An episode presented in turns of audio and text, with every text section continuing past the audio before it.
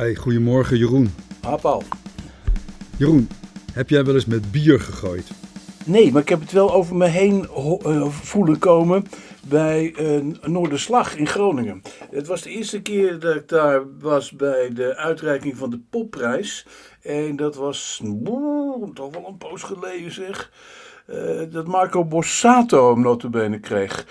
Toen nog geheel onbesproken, maar eh, fel met bier bespoten Marco Borsato. Eh, het ging zo in Groningen dat Hans Kosterman, de voorzitter van de poptak van de FNV, die bekendmaking deed. En Borsato die viel in het verkeerde keelgat zeg, van de mensen. Dat Toen al? Ja, nou ja, hij was natuurlijk niet eh, eh, de, van de progrock, zal ik maar zeggen. En eh, nee, er viel ge- gewoon wat uit de toon van het publiek daar in, eh, in Groningen. En dit werd bekogeld met bier, zeg. En ehm, dat is daarna een eh, kwalijke traditie gebleven. Nou, hier in de Achterhoek is het nu een discussie, eh, die ook tot de krant doordringt, of het niet een eh, officiële Twents Achterhoekse cultuur is, het gooien met bier. Ja, je weet, het is heel sterk verbonden met optredens van de popgroep Normaal. Hoort bij Heuken en Daldeen. Precies, En- maar en ook bij eh, de derby Twente Heracles werd er flink met bier gegooid. Ja. En eh, zo is er de, de discussie. Is het een officiële traditie? Het wordt trouwens wel een duur grapje, jongens. Want dat bier dat wordt maar duurder en duurder en duurder. ja, nou ja, het is ook een ordinaire vorm van drankmisbruik. Bier gooien? ja, drankmisbruik, ja. Je, moet het, je moet het drinken, niet gooien. Precies. Hey, over de normaal gesproken. Die Benny Jolink, die, eh, die is een beetje in het nieuws. Omdat hij het voor Derksen heeft opgenomen. Hè? Johan Nou, Derksen. Ook gelijk al zwaar in het nieuws, want hij heeft op Facebook eh, het een en ander over gepubliceerd. Ehm, ja, hij neemt het op voor Johan Hij is Derksen. van Facebook verwijderd, toch? Van, vanwege die Ja. opmerkingen. Ja, hij, vindt, hij, vindt, dat bericht. hij vindt het maar hypocriete slijmers. Mensen die Johan Derksen laten vallen. Nou, er zijn eh, natuurlijk eh, leeftijdsgenoten. Ehm, Johan Derksen is twee jaar jonger dan Benny Jolink. En eh, generatiegenoten. En ik zou ook zeggen tijdperkgenoten. Want eh, Benny Jolink die omschrijft zijn eh, argumentatie als ehm, een verschijnsel. Hè, dat, het gevraagde geval waar Johan Derksen het over had met die kaars en zo. Een verschijnsel dat ehm, ja, hoorde bij een soort van dronkenmanslol. Nou heb ik de jaren 70 ook nog wel meegemaakt, maar dit soort, dit soort praktijken, en wij werden ook wel eens dronken, heb ik me niet aan bezondigd. Alleen, ik eh, weet net zo goed als jij dat om ons heen eh, toch wel ruig aan toe ging. Ja, inderdaad. Zeker. Het is ook een tijdsbeeld van 50 jaar geleden. Hè? Het is, dat, dat is het, het probleem. Daar maak je nu natuurlijk niet zomaar grappen over. Het is het tijdperk eh, dat je op de televisie ook nog eh, amusement had met blote dans. Het is nog nauwelijks meer voor te stellen, Jeroen. Nou ja, dat begon al in de, in de 60s natuurlijk met het beroemde uitzending van Phil Bloom. Het model dat het dagblad Trouw zat te lezen, het brave protestantse verzetskrant. Dat liet zakken en toen haar blote borsten liet zien. Nou, dat was een, een, openbreken, of een, althans een Nederlandse variant van wat al internationaal, ook in Amerika, al, al veel wijder werd verspreid het opengooien van alles. Ook eh, seksualiteit, naaktheid. eh, en Groepies had je bij de Ja. beroemde bands van die tijd. En nou, ik heb wel eens een film gezien van de Rolling Stones. Ja, die film die, die is eigenlijk heel lang verborgen gebleven en een jaar of wat geleden uitgekomen. Dat speelt ook aan die begin van de jaren zeventig.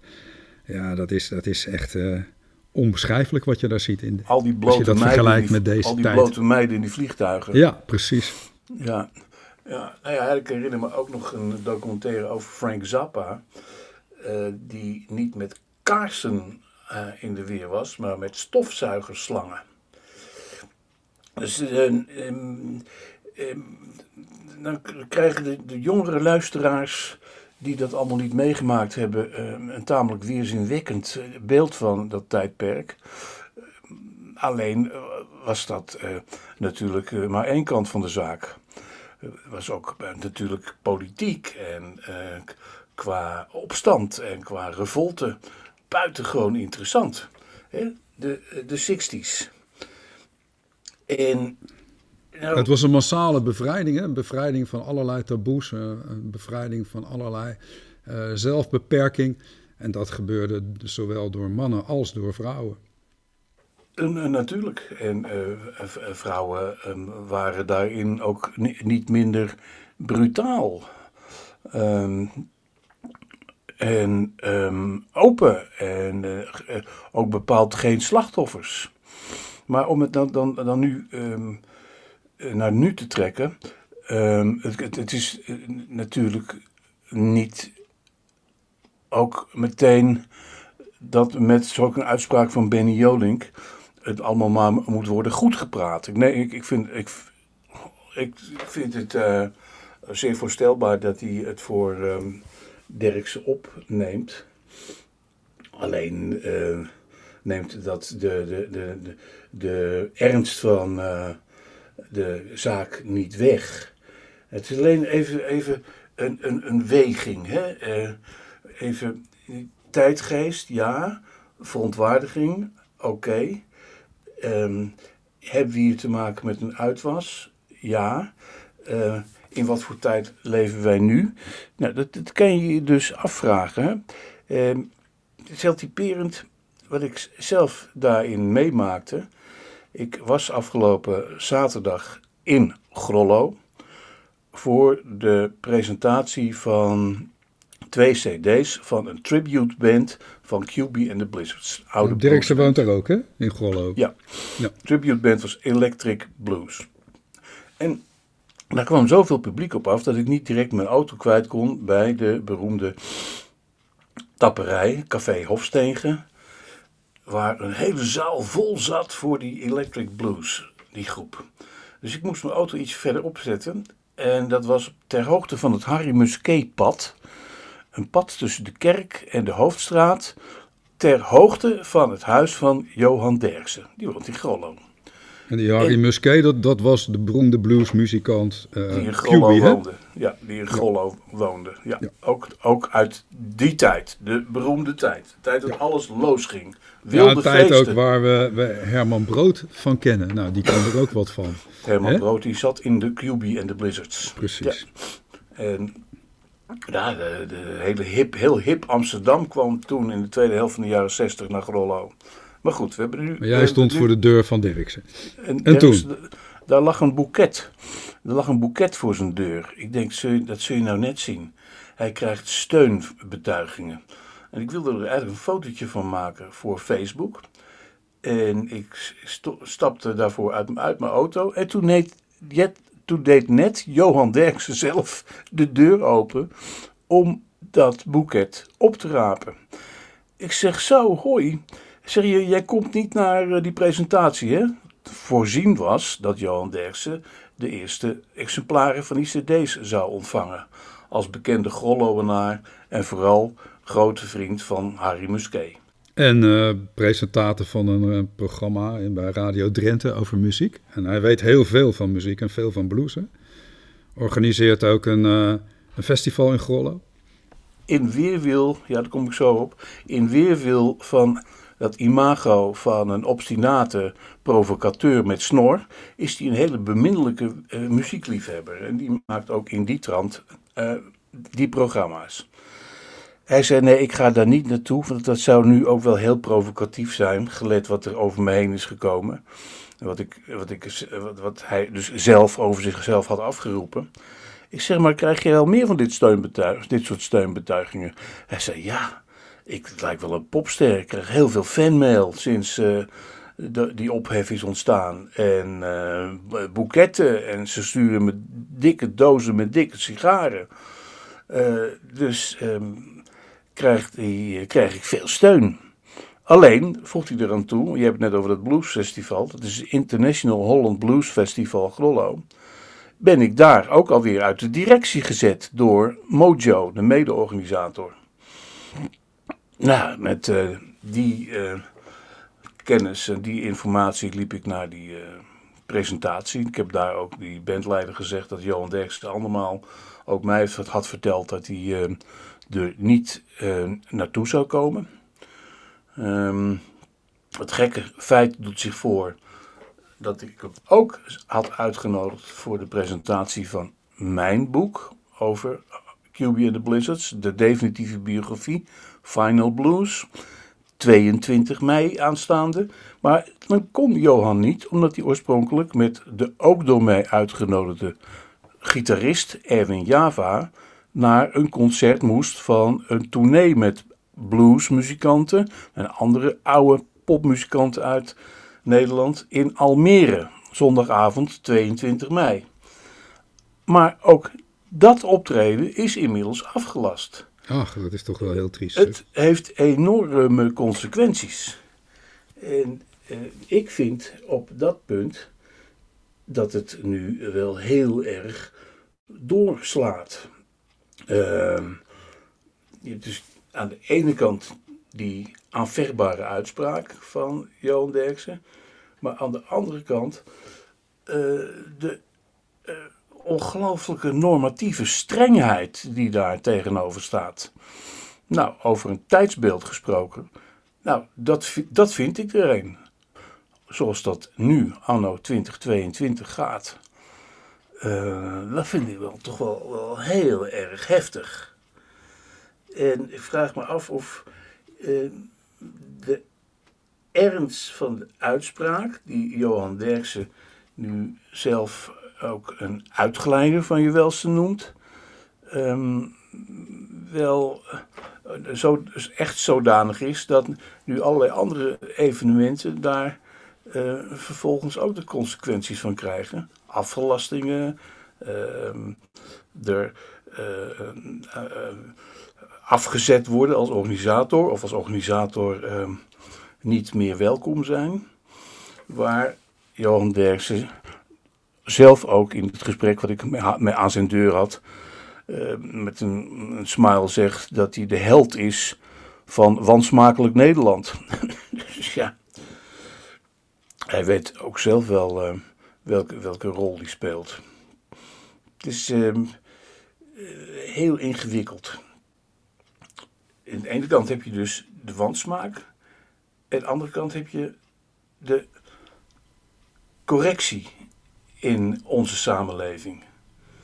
Ja, je kunt afvragen of correctie op deze manier moet plaatsvinden. De correctie door iemand compleet te cancelen. Ik weet niet of dat uh, iets, iets oplost.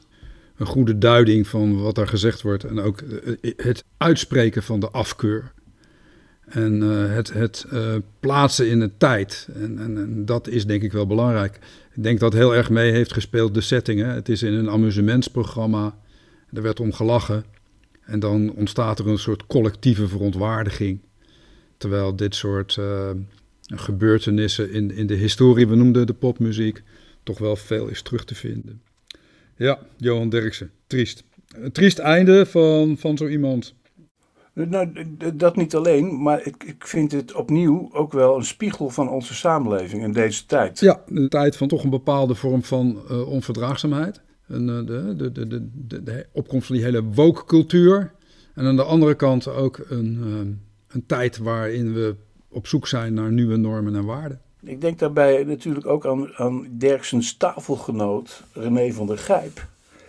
Um, wiens biografie een paar jaar geleden enorm hoog scoorde en ook beloond werd met de NS Publieksprijs. En geschreven door eh, Michiel van Egmond, uh, een van de voormalige journalisten die onder Johan Derksen bij Football International werkte. Die Michiel van Egmond heeft dat heel accuraat gedaan. En um, we uh, hebben het ook wel eens over de ontlezing in de maatschappij. Nou, dat boek over Gijp en vervolgens ook over Wim Kieft, uh, werd ineens gelezen door mensen die normaal nooit een boek in hun handen pakken. Dus dat is heel erg merkwaardig. Hè? Als je het hebt over de glijdende schaal. Maar is die inhoud dan, is die inhoud dusdanig dat die valt te rijmen met de uitspraken van Derksen? De inhoud van die boeken? Ja? Nee, die, daar gaat het er juist over. Als we het hebben over de glijdende, glijdende schalen van beschaving in onze samenleving. Die boeken zijn niets, um, niet verhullend. En uh, walmen van uh, de, ja, de ranzige praktijken. En de, ja, ja, ja dus wel. Wat ik, ja, wat ik, ja, ja, ja, ja, komen, precies. Het, het, stel je eens voor, Jeroen, dat een uh, schrijver als Wolkers nog had geleefd. Wat zou er met de man gebeurd zijn?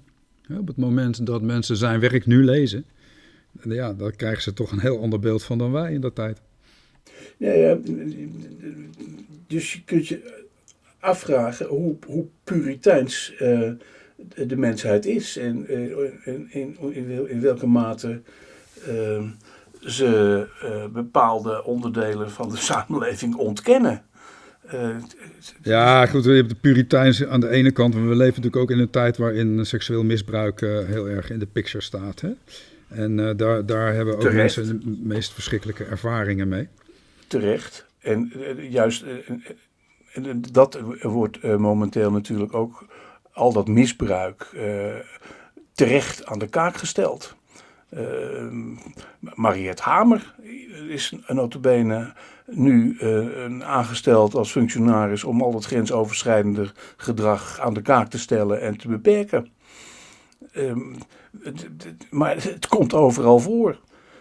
ook gelet over toestanden in de Tweede Kamer. De, de Turkse mevrouw van Volt. Um, uh, wat er bij D66 gebeurt, wat er bij D66 gebeurt. Ja, oké, het komt overal voor. Het belangrijkste instrument wat we dan hebben is, is onze rechtsstaat. Dus op het moment dat er echt sprake is van misbruik, dan hebben wij een rechtsstaat waarin een rechter oordeelt en een rechter mensen kan veroordelen. En wat is nou de trieste? Dat juist die rechtsstaat het in deze een beetje laat afweten. Veel mensen doen geen aangifte, durven geen aangifte te doen. Blijkbaar voelen zij zich niet veilig in die rechtsstaat. En aan de andere kant neemt justitie heel weinig aanklachten serieus. In zoverre, misschien nemen ze serieus, maar ze doen er niks mee. Er is een enorme achterstand met de behandeling van aangifte. En misschien moeten we daar allereerst eens werk van gaan maken. En dat we ook een dusdanig vertrouwen in de rechtsstaat herstellen dat we kunnen beoordelen of een uitspraak strafrechtelijk onjuist is of niet. En als de norm opschuift, dan moeten we in dat strafrecht misschien het een en ander aanpassen. Maar dit cancelen, dat is iets wat mij totaal niet aanstaat. Nee, nou ja, dit, deze... Um, het zijn volksgerichten. Problematiek, volks, zeker, het, maar, maar dat is het juist. Het, het, neemt, het, het neemt dat karakter aan. En, en, daarom vind ik, nogmaals, het tumult om Derksen, dat dat meer over meer gaat dan alleen maar een voetbalprogramma en een uh, snaakse, obstinate oude man. Maar het uh, is een spiegel van onze samenleving. Het geeft iets aan over de heftigheid en uh, de gevoelens in, in dit geval het laagland. En wat dat betreft vind ik het ook dubieus dat nu ook zo'n heel programma verdwijnt. Het was weliswaar ranzig en heel ordinair, maar het gaf toch ook wel een beeld van een bepaalde laag in Nederland die, die echt heel manifest aanwezig is. Met, met een heel groot publiek. Derksen zei ook nog dat het, dat, het, bijna speet voor John de Mol. Want die had, die had er gewoon een, een kijkcijferkanon voor. Met, met al het ordinaire. Kijk, begrijp je wat ik bedoel? Het is niet dat ik het, dat ik het ordinaire goed praat. Maar dat, dat ik, uh, ja, het beschouw als uh, wat blijkbaar toch ook een deel van onze samenleving is. Het zijn bekentenissen die mensen nu in opspraak brengen van iets wat lang geleden gebeurd is. Maar goed, Jeroen, we zitten ook in een tijd van, uh, en opvattingen. van andere dreigingen. Hè? Nou ja, dat, dat, dat, dat is heel goed dat je dat zegt. Want ik vind het nogal merkwaardig uh, dat dergelijke ophef zo ongelooflijk wordt uitvergroot in een periode dat, we, dat we met, een, met een oorlog nog steeds te maken hebben. Ik verbaas er maar over hoor, dat dit in het NOS-journaal komt. Echt, ik vind het echt, echt bizar. Nou ja, het, het heeft. eh, het- nee, dat vind ik niet bizar. Het heeft aandachtswaarde. Het, het, het, het leeft. Ook gelet op, op ehm, de, de, de link en de co- connectie met alles wat grensoverschrijdend en rechtsstatelijk niet goed is. Ja, maar Jeroen, het gaat hier over een, een opschepperige uitspraak. Over iets wat 50 jaar Ja. geleden is, is, is gebeurd. Waar de, de helderheid eh, in het ongewisse is, omdat hij een dag later een heel ander verhaal vertelt. eh, waarom gelachen wordt, dat deugt niet. Maar ik denk op het moment dat er daadwerkelijk sprake is van strafrechtelijke feiten, dan hoort dat in het NOS-journaal. Maar op het moment dat dit in een showprogramma plaatsvindt, dan hoort het in shownieuws. Ik vind dat er eh, in de wereld belangrijke dingen zijn om te bespreken. Ja, zeker. Laten we dat ook doen. Ehm, er, is, er is heel weinig over, eh, maar dat is vorige week al heel weinig over voortzettingen van de gevechten in Oekraïne. Alleen had, jij, jij toch iets opgemerkt, toch? Over een brug? Ja, er gebeurt wel iets. Hè? We hebben al eerder geconstateerd dat onze verwachting, in ieder geval mijn verwachting is, dat Rusland in ieder geval zal proberen om de Donbass, maar ook dat zuiden van Oekraïne in te pikken. En je ziet daar toch wel wat bewegingen, in, ook in dat zuiden. In de Donbass, daar schiet men niet echt op. Het zijn hele kleine vorderingen, maar de Russen maken wel degelijk wat vorderingen. Maar in het zuiden gebeurt ook het een en ander. Cherson, grote stad in het zuiden, tussen Mariupol en Odessa in. Die eh, is nu helemaal in Russische handen, wordt ook gerussificeerd. We hebben het er eerder over gehad, Russificatie. Dus de roebel is het betaalmiddel. De media spreken alleen Russisch. Mhm. We krijgen daar het Russische nieuws, de Russische propaganda. De taal is Russisch, de officiële taal. En het onderwijs verandert ook meteen. Er wordt weer eh, onderwijs gegeven zoals op dit moment ook in Rusland wordt gegeven, vol met propaganda. Maar de Russen zijn ook nog bezig met aanvallen op Mykolaiv. Mykolaiv, dat ligt redelijk dicht bij Odessa. Maar heel opvallend was dat ze een brug hebben gebombardeerd, een hefbrug, in het Dniester-estuarium. Estuarium, dat is de, een delta, hè, dus waar de rivier de Donau en de Dnieper de zee raken. Daar heb je van die grote, brede watervlaktes. En dat is een estuarium. Weg loopt er van Odessa naar Ismaël. En Ismaël, dat is eh, in die delta Donau, dat is het uiterste zuidelijkste deel van de Oekraïne. Zuidelijk-oostelijkste deel.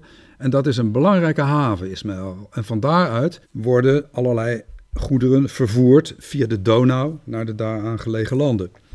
En ja, dat gebied, dat grenst ook weer aan Transnistrië. En Transnistrië, dat is dat gedeelte van Moldavië wat in Russische handen is. En dan zie je toch dat die Russen langzaam die omtrekkende beweging maken om dat zuiden te pakken. Ook was eh, iets wat ik las, was dat in eh Kriviri, dat is een hoger gelegen industriestad. En dat is de stad waar Zelensky is geboren, dat de burgemeester daar zei een aanval te verwachten. Dus ja, die Russen zijn toch breder bezig dan alleen in die Donbass. Ja, maar Oh ja, ook nog wel Odessa vannacht Ja, nog gebombardeerd door de Russen. Die hebben daar het vliegveld en de landingsbanen gebombardeerd. En dat is denkelijk omdat ze verwachten dat daar de vliegtuigen uit de VS landen met eh, de zware wapens. in Oekraïne. Ja, ja goed. eh, de VS heeft 33 miljard Ja, aan ja, eh, wapens ja, toegezegd. dat? hè? Wat ze doen onder een oorlogswet uit de Tweede Wereldoorlog, waar de Amerikaanse regering vrij is om wapens te lenen. Lenen, ja. Maar ja, 33 miljard, dat betekent nogal wat. Ja. Ook de Engelse minister Truss, die heeft eh, zich daarachter geschaard om zwaardere wapens te leveren. Zij zei, het is tijd voor moed en niet voor voorzichtigheid. Nou, dat zie je gebeuren, hè? VS, UK, Duitsland. Allemaal worden we wat, wat, wat moediger. ja, over volks. Daarbij heeft Austin, de, de minister van de Verenigde Staten, die heeft nog gezegd: ja, we moeten Rusland zodanig verzwakken dat ze nooit meer zoiets kunnen uithalen. En dat is toch wel link hoor. Want langzaam drijven we toch toe naar een oorlog waarin het Westen zwaar betrokken wordt. En een oorlog die heel lang kan gaan duren. Ja, ja. Ik vraag me daarbij af, hè. eh, wat voor situatie er nu ontstaat. Hè. De, Russificatie, dat is dus de, een van de grote doelen van, van Poetin. Ja. Het wordt dus al ingevoerd in uh, scholen, zover die nog overeind staan, in zo'n stad als Mariupol. En aan, de andere, aan de andere kant heb je dus. Delen van de Donbass. Aan de andere kant heb je dus dat, dat, dat nog, nog niet bevrijde uh, deel van Oekraïne. Waar Oekraïners, zover ze er nog zijn, gewoon Oekraïners willen blijven. Dus, ja, Jeroen, maar je ziet in dat, soort, dat soort gebieden, daar worden mensen weggevoerd. Zelensky zegt gedeporteerd richting Rusland. Daar komen mensen uit Rusland wonen. Er komen officials die daar de bestuurlijke functies allemaal innemen. Het wordt een heel ander gedeelte van het land. Krijgt dat gedeelte maar weer eens terug. De Krim is al helemaal gerussificeerd. Dat, dat, is, het, dat, dat is het juist. Wat voor een rare situatie zou uh, dit land uh, in terechtkomen als er toch een, een, een, soort van wapenstilstand komt. Een, een soort nieuwe koude oorlogssituatie met met, met uh, al die westerse invloeden ook. Uh, al die westerse wapens. Dat het een, een, een, Donbass is die gerussificeerd is. En nog een vrij Oekraïne. Dan blijft dat toch een langdurige reden om uh, opnieuw in conflict te komen. Jazeker, want dat, dat gedeelte wat uh, Rusland nu inpikt, dat zijn hele belangrijke economische sectoren mhm. voor de Oekraïne. En dat zuiden, alle havens, heel erg belangrijk voor de export. Oekraïne is een exportland, Grondstoffen. met landbouwproducten.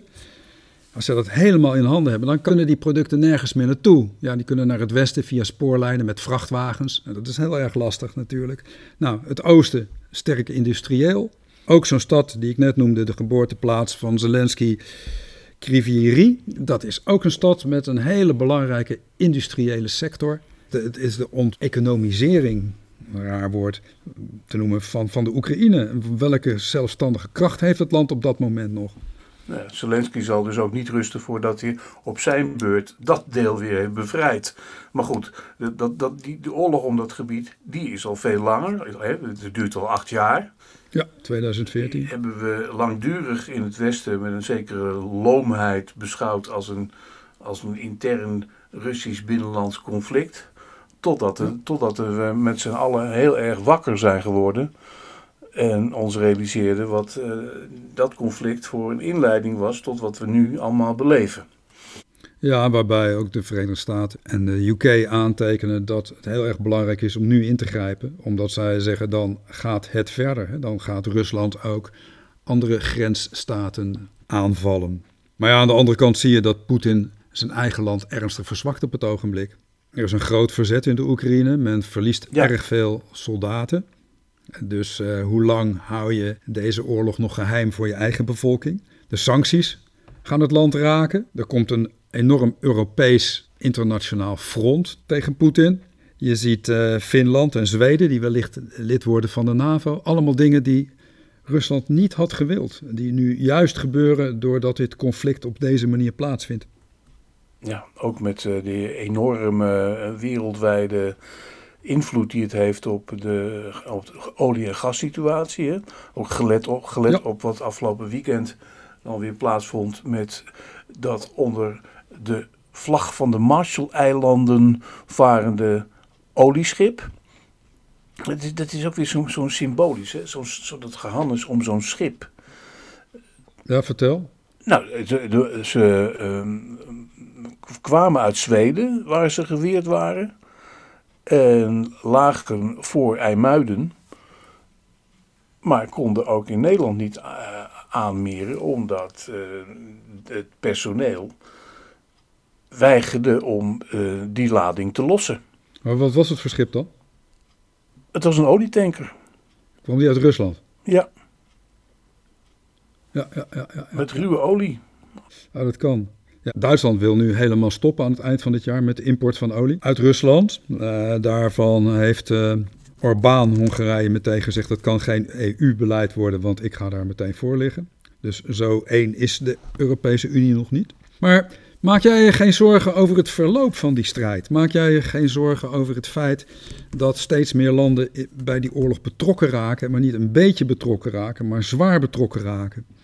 Per slotverrekening hebben we nog steeds te maken met een kernmacht. Nou ja, dat is, dat is een zorg die iedereen heeft. Ja, maar het lijkt wel of die zorg minder wordt. Mhm.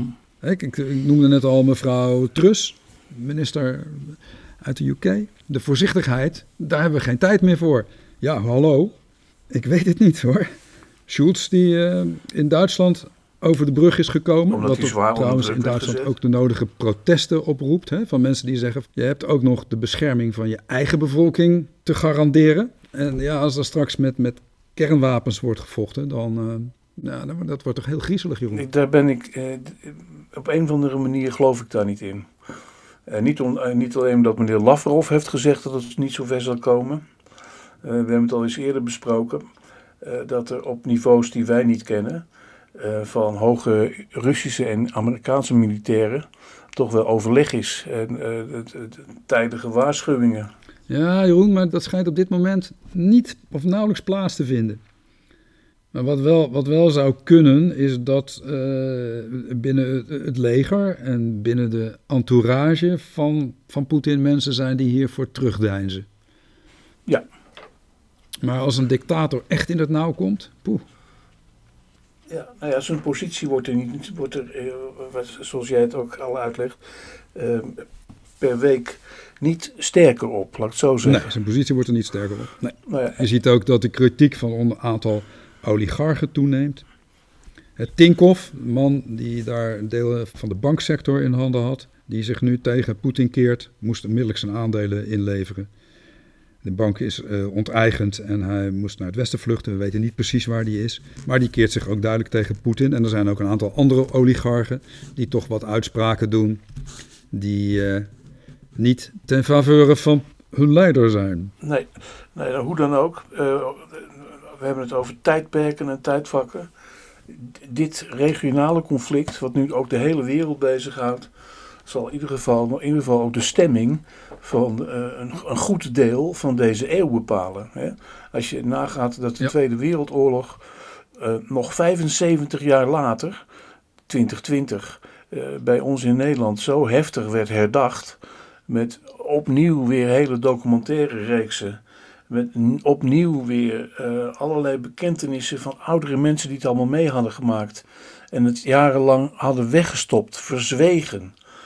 Uh, ik bedoel maar, het effect van een, een dergelijke uh, wereldramp, die zo'n oorlog is, gaat decennia door. En dat is, dat, is nu uh, ook aan de gang. Dit heeft... Ja, maar Jeroen, er zit ook een andere, andere kant. Hè? Uh, aan de vooravond van de Tweede Wereldoorlog zei onze minister-president: gaat u maar rustig slapen. En ik heb het gevoel dat onze minister-president nu ook zegt: gaan jullie maar rustig slapen. Hè? Wat ik net zei, het is een tijd voor moed en het komt allemaal wel goed. En ik denk dat er toch een heleboel dingen op ons af gaan komen. Denk eens aan inflatie. Denk eens aan uh, tekorten in de landbouw. Denk eens met name aan Afrika, dat daar heel erg onder te lijden heeft. Denk eens aan China, wat een lachende derde kan zijn. Denk eens aan de ongelooflijk hoge inflatie. Maar denk ook eens aan de mogelijkheid van een enorme escalatie.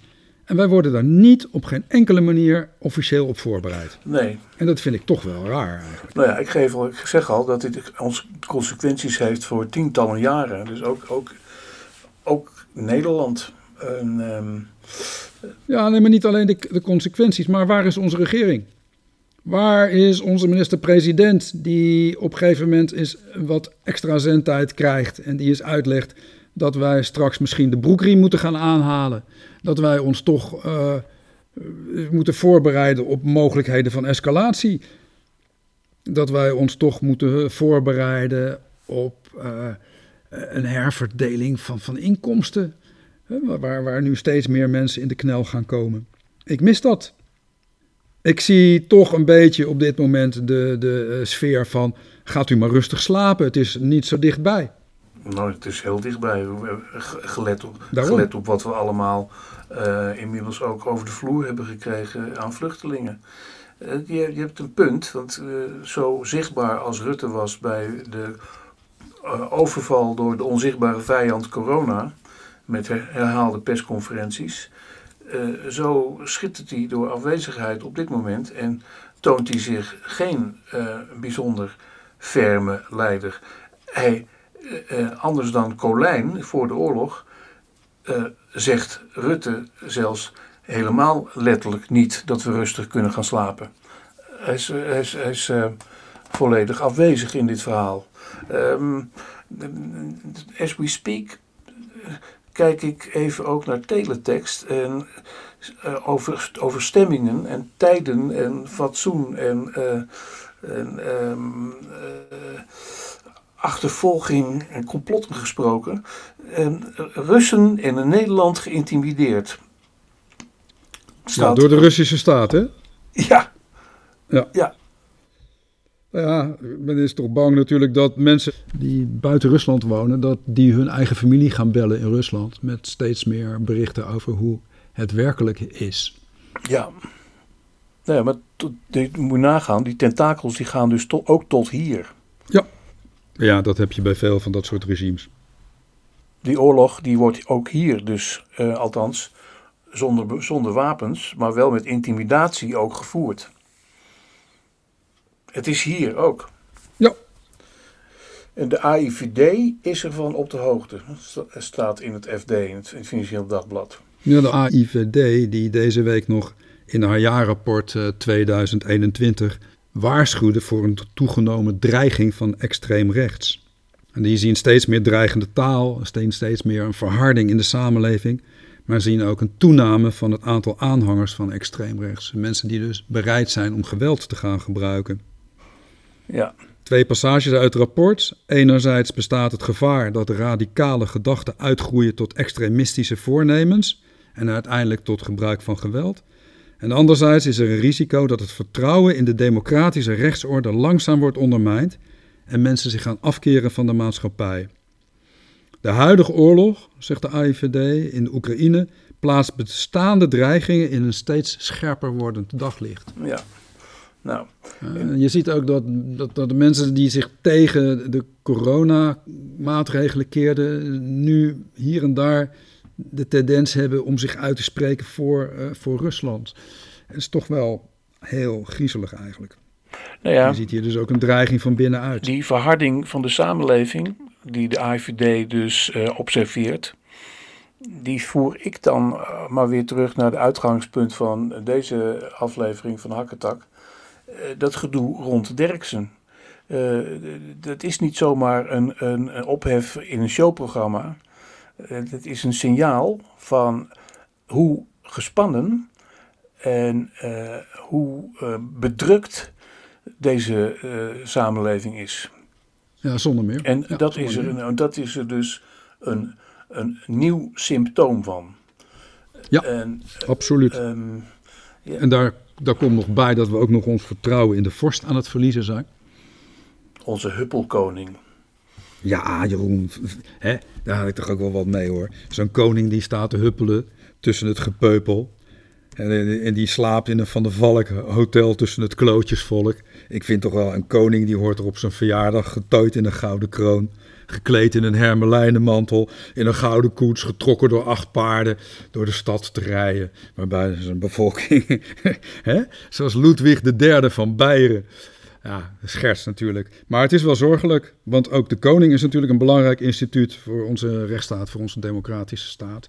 De manier waarop wij dat hebben georganiseerd. Hij was een symbool. En het gebrek aan wederzijdse tolerantie, dat zie je overal, dat zie je ook in de Tweede Kamer, mm -hmm. Is een groot probleem aan het worden in dit land. Ja. Nou ja. Want een democratie, dat, dat moet je, uh, dat doe je niet alleen bij verkiezingen. Een democratie daar ben je eigenlijk altijd mee bezig. Een democratie betekent dat je respect hebt voor de ideeën en gedachten voor de minderheden. In een democratie speelt de pers een belangrijke rol in zijn kritiekfunctie, maar speelt ja. ook de rechter een heel ja. erg belangrijke rol om te bepalen wat kan en wat niet kan. En daar hadden we het net ook over in die discussie van Derksen. De rechter moet hier bepalend zijn en niet een, het volksgericht. Zeker. En het is goed dat zo'n AIVD erop let. En, Ja. ehm, de- de- de- Maar we moeten er allemaal zelf op gaan letten. We moeten er ons weer bewust van worden. Het eh, is iets wat plaats moet vinden in de media, eh, maar ook in het onderwijs. Bewust zijn wat het betekent om in een vertegenwoordigende democratie te wonen. Eh, onze voorgangers, politieke voorgangers, moeten komen met ideeën, met, met het uitleggen van hoe onze samenleving in elkaar steekt en hoe het werkt om een democratisch functionerende, functionerend land te zijn. nou ja, En dat mis je nu, hè, met die rellen ook rond allerlei politici. ja eh, eh, En het gevoel van, van 20% van het electoraat wat al rechtsradicaal stemt, wat zich volledig van het bestuur voelt uitgesloten. Dat zag je nu weer in Den Haag, hè, waar Richard de Mos mhm, wordt uitgesloten van het bestuur, terwijl het wel de grootste partij is. mhm. Op de langere termijn werkt dat toch wel tegen het democratisch functioneren. Ja, maar nog zijn we geen dictatuur. En eh, Nee. kunnen we gelukkig dit allemaal vrij uit uitwisselen. Eh, Ja, ja, ja, Jeroen, maar het is iets wat we moeten beschermen. Zo Ik zeg het. het wel vaker. Ik maak me daar wel eens zorgen over. Daarom, daarom. Oké. De koning die trekt het zich ook allemaal aan, gelet op zijn uitspraak. eh, gevraagd naar zijn dalende cijfers. Dat, dat hij daar niet zo onder, van onder de indruk is. Eh, dat hij hecht aan eh, constructieve kritiek. Omdat hij anders ook in de richting van Poetin zou glijden. Nou ja, dat de Ja, dat vond ik een rare hele uitspraak. merkwaardige uitspraak. Ja. Voor een, Dat het histori- vertrouwen niet voor een historicus. Hè? verhoogt. Nee. Ja. Goed, nou ja, we hebben het vrij uitgezegd en we worden niet gecanceld. Zo is dat, Jeroen. Oké, Dat is een mooi moment om eh, deze hakketak af te slaan. goed zo. Hoi. Hoi.